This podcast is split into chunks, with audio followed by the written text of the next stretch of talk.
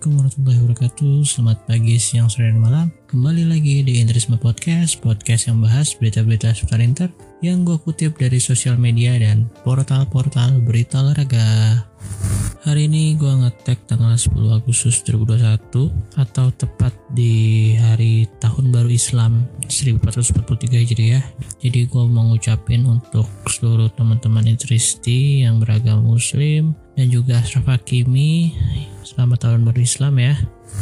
Di episode kali ini gue akan sedikit merekap bursa transfer dan hasil pertandingan uji coba Inter sementara sampai tanggal 10 Agustus ini di mana Inter sudah melakukan tiga kali uji coba resmi yang pakai jersey Inter yang baru bukan pakai jersey latihan itu baru tiga itu pertama melawan FC Lugano di mana Inter menang lewat adu penalti setelah bermain imbang dua sama di waktu normal.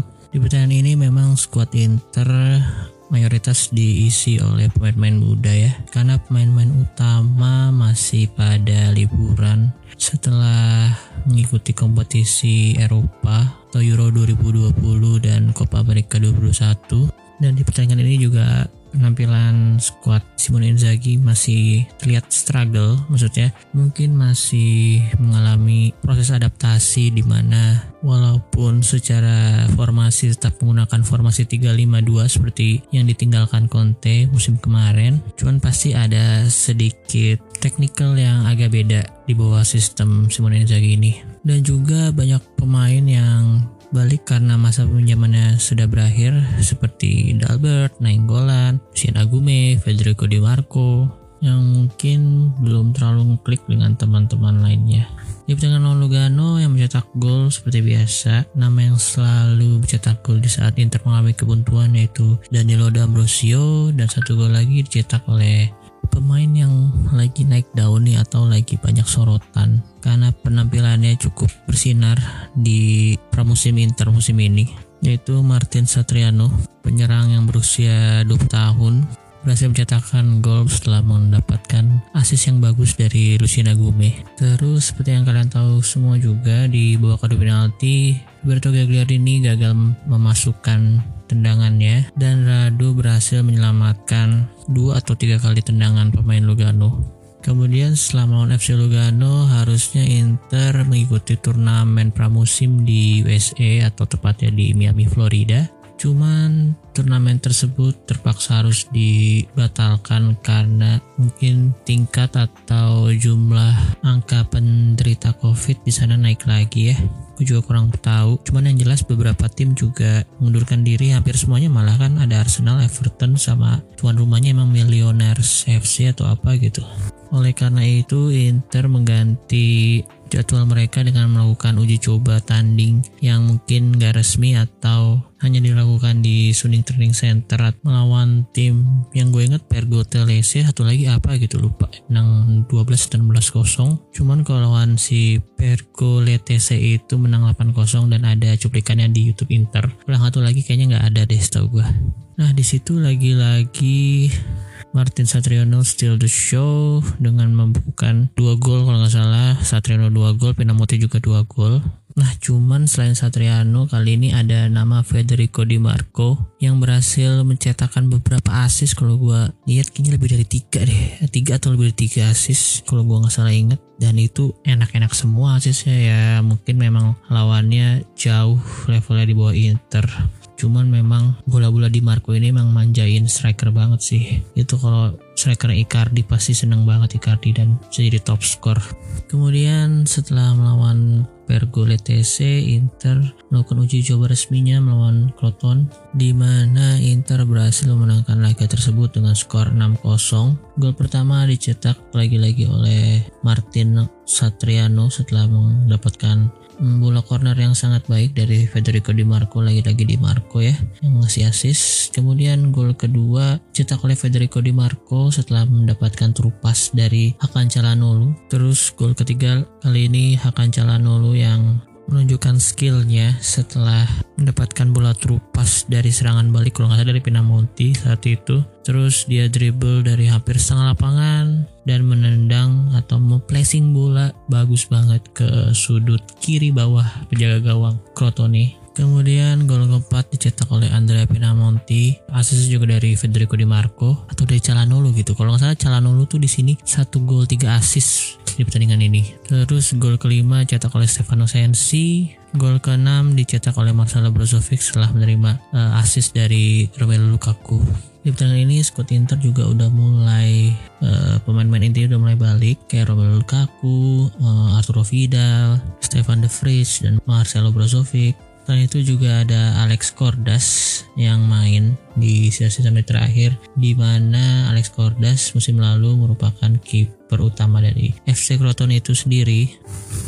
Oke selanjutnya kita ke pertandingan yang belum lama ini dimainkan oleh Inter yaitu melawan FC Parma tanggal 8 ya atau uh, Senin dini hari kalau waktu Indonesia. Di pertandingan ini juara Euro dan juara Copa America sudah balik dan langsung mengisi starting line up yaitu Lautaro Martinez, Nicolo Barella dan Alessandro Bastoni. Dan hasil dari pertandingan ini Inter menang dengan skor 0-2 di mana gol dicetak oleh Marcelo Brozovic di menit ke-59 setelah Inter bersusah payah menembus gawang Parma padahal peluangnya sangat banyak kalau nggak salah shoot on target sampai 30-an 31 mungkin tepatnya. Dan proses dari gol itu pun agak sulit ya karena tendangan pertama uh, Lautaro masih bisa ditepis oleh kiper Kemudian bola ribon uh, masih di kaki Lautaro. Lautaro akhirnya memberikan umpan ke Marcelo Brozovic dan dia tinggal mempressing bola ke sudut kiri atas kiper dengan lumayan kencang. Kemudian gol kedua dicetak oleh sang lucky charm atau sang jimat keberuntungan Inter yaitu Matias Vecino yang tampaknya di pertandingan ini udah mulai kembali menunjukkan performa yang bagus setelah musim kemarin hampir satu musim penuh e, mendekap di bangku cadangan karena cedera. Dan ini dia mencetakkan gol header setelah menerima umpan lagi-lagi dari Federico Di Marco. Umpannya bagus banget emang itu crossingnya. Seperti yang gue bilang sebelumnya itu bola-bola kayak gitu tuh makanan Icardi atau luka aku banget sebenarnya aduh sayang banget oh ya di pertandingan ini juga sisi positifnya Sensi terlihat udah mulai balik ke performa terbaiknya ya. Uh, gocekan gocekannya udah mulai keluar lagi. Terus ya visi bermainnya udah mulai kelihatan lagi. Aliran bolanya juga bagus. Terus kalau yang gue lihat di beberapa pertandingan ini sih strategi Inzaghi sebenarnya kurang lebih sama. Uh, high press juga kalau lagi bertahan menyulitkan uh, lawan untuk memulai serangan dari bawah. Dan terkadang juga mengandalkan counter attack cepat seperti Conte cuman yang sangat kelihatan sih lebih banyak main uh, pass and go gitu. Jadi cuman one one touch one touch doang gitu. Jadi nggak banyak megang bola cuman lebih banyak geraknya. Begitu passing langsung cari cari ruang untuk terima bola. Ya mungkin ini memang gaya permainan Inzaghi atau Inzaghi mengakali karena di Inter saat ini nggak banyak pemain yang bisa nahan bola lama-lama. Apalagi depan uh, Martinez atau Satriano kemarin sering banget kehilangan bola. Jadi menurut gue gaya permainan ini memang cocok banget sih buat Stefano Sensi. Karena selain dribblingnya bagus, dia juga pinter gitu cari ruang. Atau passingnya juga bagus untuk cari teman-teman atau striker. Menurut gue sih Sensi akan sangat bersaing dengan Hakan Calhanoglu musim depan untuk memperebutkan posisi utama di starting line up Simone Inzaghi. Ya bagus deh. Jadi ada persaingan yang positif di dalam squad itu sendiri. Sehingga pasti yang lain juga termotivasi semoga aja bisa nular ke pemain-pemain kayak Gagliardini ya. Terus apalagi kalau nanti semoga aja Erikson bisa sembuh atau bisa bermain ya, 4 atau 5 bulan ke depan. Jadi persaingannya makin banyak uh, mengantisipasi juga uh, kalau ada pemain yang cedera ya kita tahu sendiri kan sensi uh, langganan BPJS selama di Inter ini. Kalau dari segi permainan keseluruhan tim hmm, nggak hmm, mengecewakan sih. Cuman kemarin memang benar-benar uh, banyak membuang peluang ya striker kurang tajam banyak nggak beruntungnya juga kan Barella juga tendangannya kena tiang terus tendangan Brozovic atau Lautaro gitu ke blok pemain. Ya semoga aja bisa dibenahi oleh staf kepelatihan Inzaghi di sisa berapa minggu lagi sebelum menuju ke Giornata pertama Serie A musim depan. Terus di pertandingan ini juga gue lihat beberapa pemain muda mulai bagus mainnya seperti Lucien Agume itu juga udah mulai tenang banget di uh, lini tengah Inter menggantikan peran Brozovic terus ada Mattia Zanotti yang bermain di sisi kanan. Namanya mirip-mirip sama Zanetti ya. Mainnya juga di track wing back. Zanotti kemarin berhasil melepaskan dua crossing kalau nggak salah dan dua-duanya tepat sasaran. Satu di header oleh Salcedo satu lagi kalau nggak salah uh, jatuh ke kaki Vecino gitu. Terus ada nama Lorenzo Moretti. Ah kalau gue lihat-lihat Lorenzo Moretti ini badannya bagus ya. Secara postur mirip-mirip Skriniar sama Pirola. Ya semoga aja dia bisa belajar dari Skriniar atau The Fridge juga. Mungkin segitu aja untuk rekap uh, hasil uji coba sementara Inter sampai tanggal 10 Agustus ini. Uh, Inter akan kembali melakukan uji coba di tanggal 14 atau mungkin 15 waktu Indonesia Barat melawan Dinamo Kiev uh, tandingnya di lapangannya Monza berarti Sabtu malam atau Minggu dini hari kayaknya Inter tandingnya ya semoga aja di pertandingan itu Inter udah memiliki striker baru. Siapa pun itu nantinya ya semoga aja bisa langsung nyetel dengan skema Inzaghi ini. Karena seperti yang udah kita ketahui kalau Inter akhirnya harus melepas Romelu Lukaku dengan harga 115 juta euro. Atau resminya sih belum diumumkan ya karena sampai saat gue tag ini dia sih udah lolos tes medis kata Di Marzio dan Fabrizio Romano. Sekarang mungkin lagi tunggal tunggu pengumumannya aja dari Chelsea atau dari Inter. Kalau gue jujur sih sangat menyayangkan transfer ini ya, walaupun dengan harga yang menurut gue ini good deal sih, good deal. Untuk striker 28 tahun kita bisa menjual di atas 100 juta sih ini deal banget. Cuman menurut gue Inter masih butuh banget Lukaku, apalagi di Serie A ini kan memang ya hampir unstoppable lah, walaupun udah banyak yang bilang kalau permainan Lukaku udah banyak bisa dibaca oleh back-back lawan kayak Cielini atau ya tim-tim lain lah Contohnya di Euro kemarin Lukaku juga berhasil diredam oleh timnas Italia kan. Cuman susah banget sih kayaknya nyari striker yang bener-bener mirip karakteristiknya dengan Lukaku yang bisa nahan bola, bisa ngasih ruang ke striker lain, bisa eksekusi sendiri, bisa dribble, larinya kenceng, badannya kuat. Ya, one in million lah. Sebenarnya udah hampir sama kayak Adriano, pemain idola gua. Cuman sayang banget harus secepat ini meninggalkan Inter. Ya memang kita sebagai Interisti kayaknya nggak bisa banget bahagia ya. Setelah kita musim kemarin berhasil merebut Scudetto setelah harus menunggu 11 tahun lamanya nggak nyampe sebulan atau beberapa minggu kemudian langsung dapat berita kalau Conte dan Inter harus memutuskan kontak karena Conte tidak setuju dengan kebijakan transfer atau pemotongan gaji di Inter. Dan memang Inter kabarnya dari akhir musim kemarin pun uh, udah ada desas-desus kalau harus jual dua pemain bintangnya kan. Ya terbukti sekarang udah menjual Hakimi dan Lukaku. Untuk Hakimi juga gue sangat menyayangkan karena posisinya itu adalah posisi right wing back di mana posisi itu sangat vital dan sangat sulit dicari oleh Inter. Setelah uh, kehilangan dengan Maicon atau Maicon udah uh, termakan usia ada beberapa nama yang digadang-gadang untuk menjadi uh, suksesornya. Mulai dari Jonathan Moreira terus ada D'Ambrosio yang saat ini masih megang banget itu posisi walaupun sempat ada Joao Cancelo, Sime Fralco, ah, apa sih dibaca tuh Salco lah, F R A S Salco lupa gue baca gimana. Terus sampai Ashraf Hakimi pun main yang udah bener sesuai dengan karakteristik mainan Conte kemarin atau karakteristik main yang bisa dominating di Serie A harus dilepas ya walaupun harganya juga bagus sih kita untung beli 40 jual 60 plus 11 atau 70 jutaan. Ya cuman kan untuk nyari pemain kayak gitu bakal susah lagi. Gua nggak tahu deh bakal ada lagi atau enggak tuh.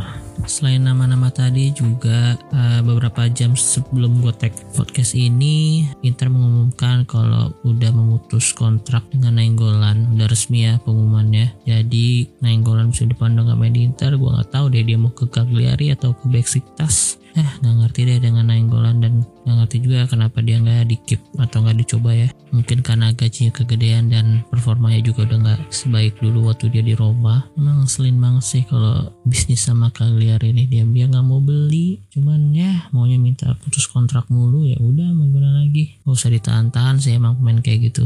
Yang udah nggak mau hmm, mengeluarkan kemampuan terbaiknya selama di Inter Selain Nainggolan, Joao Mario juga putus kontrak juga kan untuk menghindari hmm, klausul-klausul anti klub Portugal yang disematkan oleh Sporting Lisbon. Menyusahin nih Joao Mario nggak mau main, nggak bisa dijual, susah jualnya. Akhirnya harus putus kontrak juga. Kemudian ada Dalbert juga yang sebenarnya mungkin statusnya ini pinjam opsi tembus ya ke Cagliari ah cuman kalau bisa sama Cagliari lu tahu sendiri kan. Feeling feeling gue sih nggak bakal ditebus lagi nih kalau misalnya cuma opsi. Gue nggak tahu sih kemarin itu opsi atau kewajiban tebus. Ya semoga aja kewajiban tebus lah biar pindah juga tuh akhirnya si Dalbert. Oh iya terus di awal-awal pramusim kemarin juga udah diumumkan kalau Daniel Padeli nggak memperpanjang kontraknya dan pindah ke Udinese. Terus Asli yang juga nggak perpanjang kontrak pindah ke Aston Villa terus juga ada nama-nama pemain muda kayak Bastian Esposito yang dipinjemin ke Basel. Terus Darian Males juga tetap di Basel. Ada Mulatieri yang kemarin main di Crotone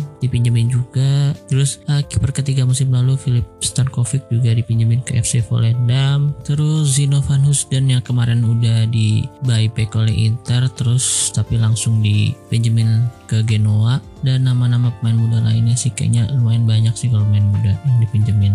Kalau nama-nama pemain yang udah resmi masuk uh, di transfer ke Inter musim ini ya seperti yang kita udah ketahui ada Alex Cordas di mana dia itu adalah uh, mantan pemain Primavera Inter kayaknya ini untuk mengakali homegrown player untuk main di UCL ya. Terus ada Zino Van Husden yang tadi gue sebut yang langsung dipinjemin lagi. Dia dibeli dengan atau di buyback dengan harga 16 juta euro. Terus ada Matteo Darmian yang sebenarnya musim kemarin itu masih di loan dan sekarang opsi pinjamnya di, diaktifkan di pusat transfer ini dengan harga dua setengah juta nih kalau menurut uh, situs transfer market terus pemain yang mungkin akan menjadi andalan Inter musim depan yaitu akan Calhanoglu yang uh, dibeli atau ditransfer dengan status free transfer dari klub tetangga yaitu AC Milan. Menurut gue sih kutil sih akan Calhanoglu dan emang gue udah pengen banget dia main di Inter dari waktu dia masih main di Hamburg ya kalau nggak salah ya. Iya kalau nggak salah tuh dia di Hamburg waktu itu. Udah mulai nunjukin kalau dia jago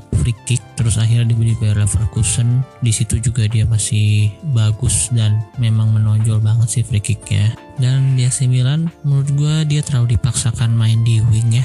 Di skema Pioli kemarin lebih sering main di wing sih setahu gue padahal emang bagusnya sih di IMF atau di CM sih e, si Calhanoglu ini. Karena visi bermainnya juga cukup bagus ya bisa jadi playmaker juga.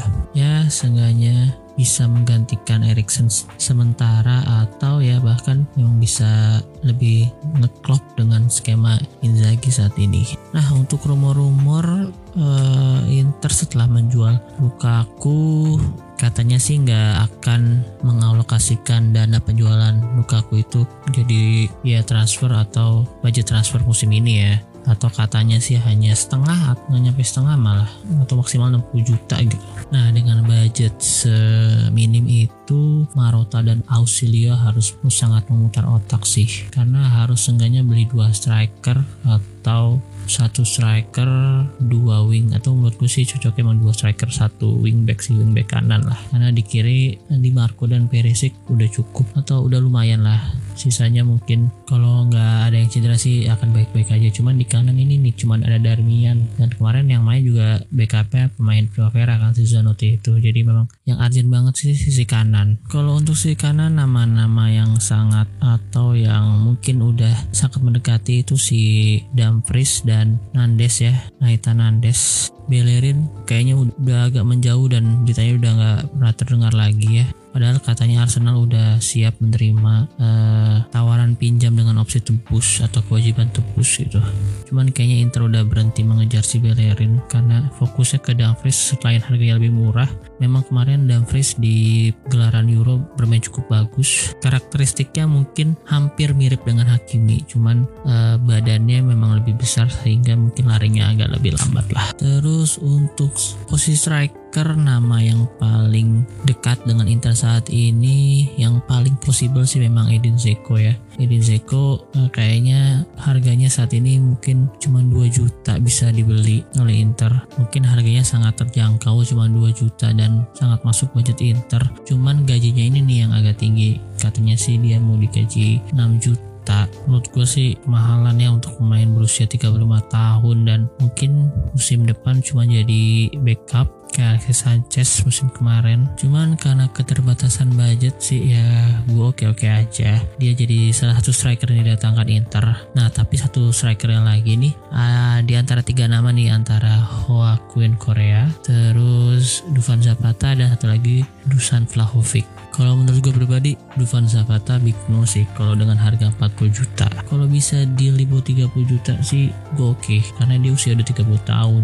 Dan ya walaupun orang bilang atau banyak yang bilang kalau Milito pun dibeli di usia 30 tahun. Nah cuman dia dibeli 25 juta euro. Dan memang akhirnya selama yang di Inter proven ya mainnya bagus dan sampai menjadi salah satu striker terbaik kan karena berhasil mencetakkan dua gol di final UCL melawan Bayern Munchen. Nah Nah cuman kasus kayak gitu kan nggak selamanya akan terjadi. Ya apes-apesnya siapa tahu nih kalau Dufan dibeli bisa flop dengan harga 40 juta loh. 40 juta itu musim kemarin kita bisa beli Hakimi. Masa sekarang 40 juta buat Dufan Zapata sih. Daripada Zapata mending Belotti itu. Belotti juga kabarnya cuma di bandrol 25 sampai 30 menurut gue sih Belotti masih bagus ya cuman ya bermain di klub uh, gue bukan yang mengecilkan Torino ya cuman Torino memang beberapa musim terakhir ambisinya tuh cuman kayak pengen bertahan di Serie A doang gitu. Musim kemarin aja sampai uh, terseok-seok kan di zona degradasi hampir aja terdegradasi ya jadi mungkin dia kurang motivasi atau kurang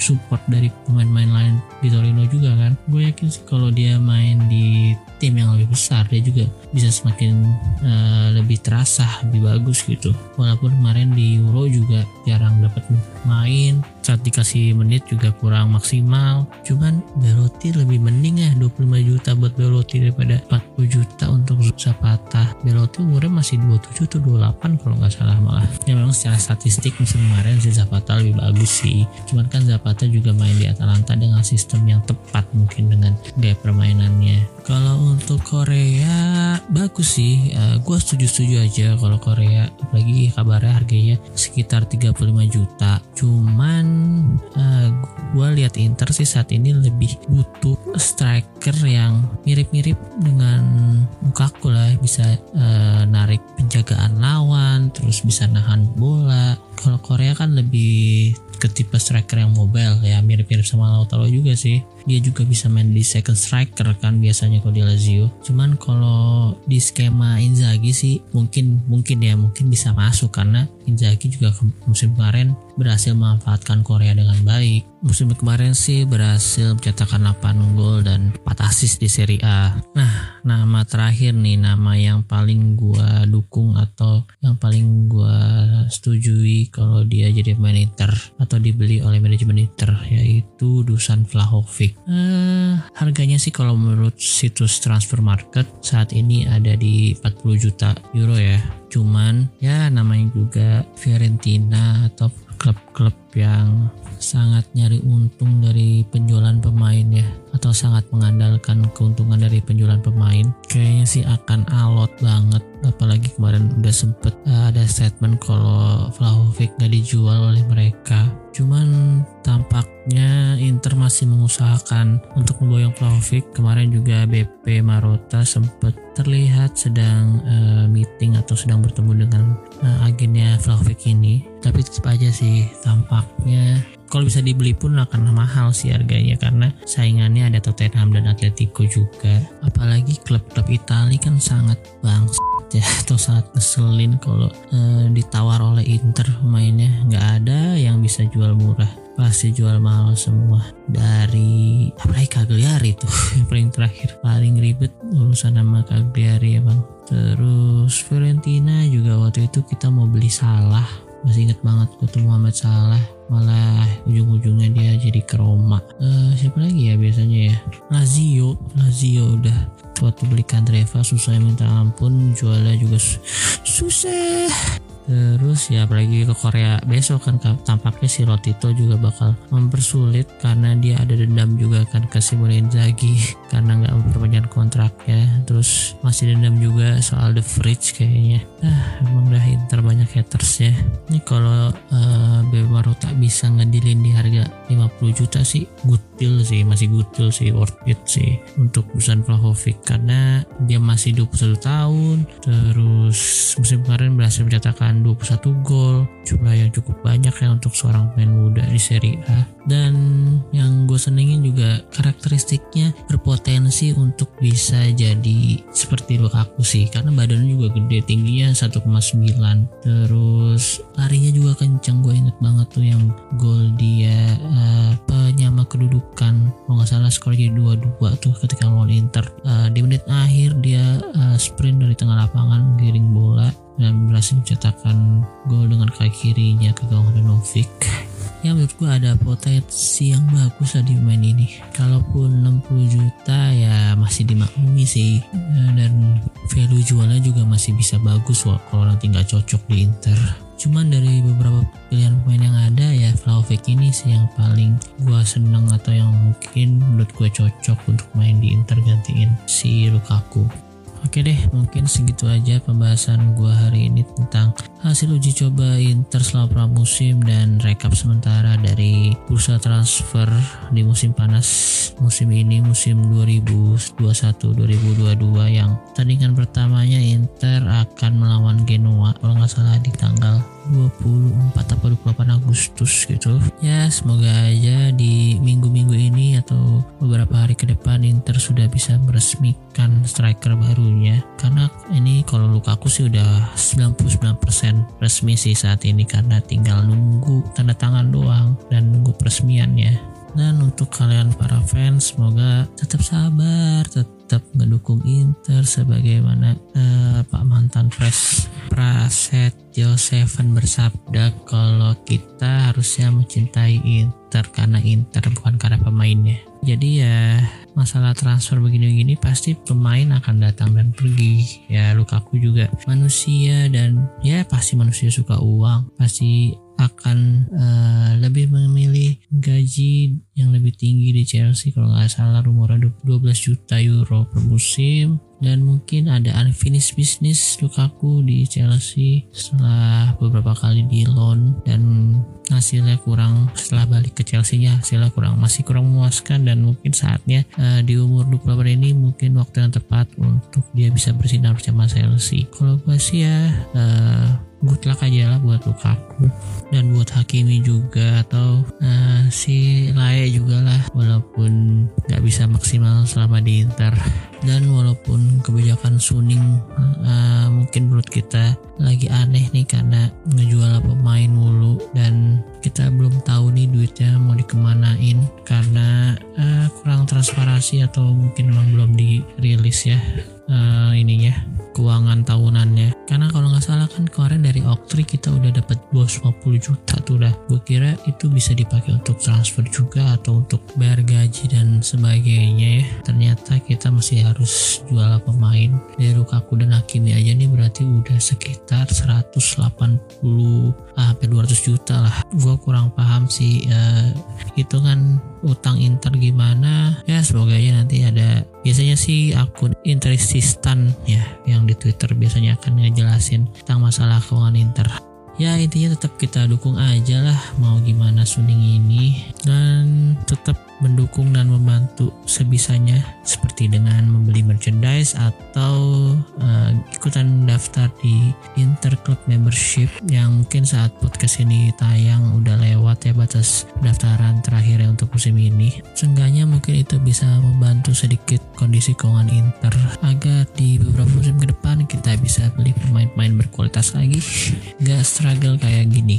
Oke? okay? Terima kasih untuk teman-teman yang udah mau dengerin hingga menit kesekian. Jangan lupa di share kalau kalian suka dengan podcast ini dan follow juga akun sosial medianya. Kalau di Twitter ada Interisme Media, di Instagram ada Interisme Podcast. Sekali lagi terima kasih. Arif Forza Inter.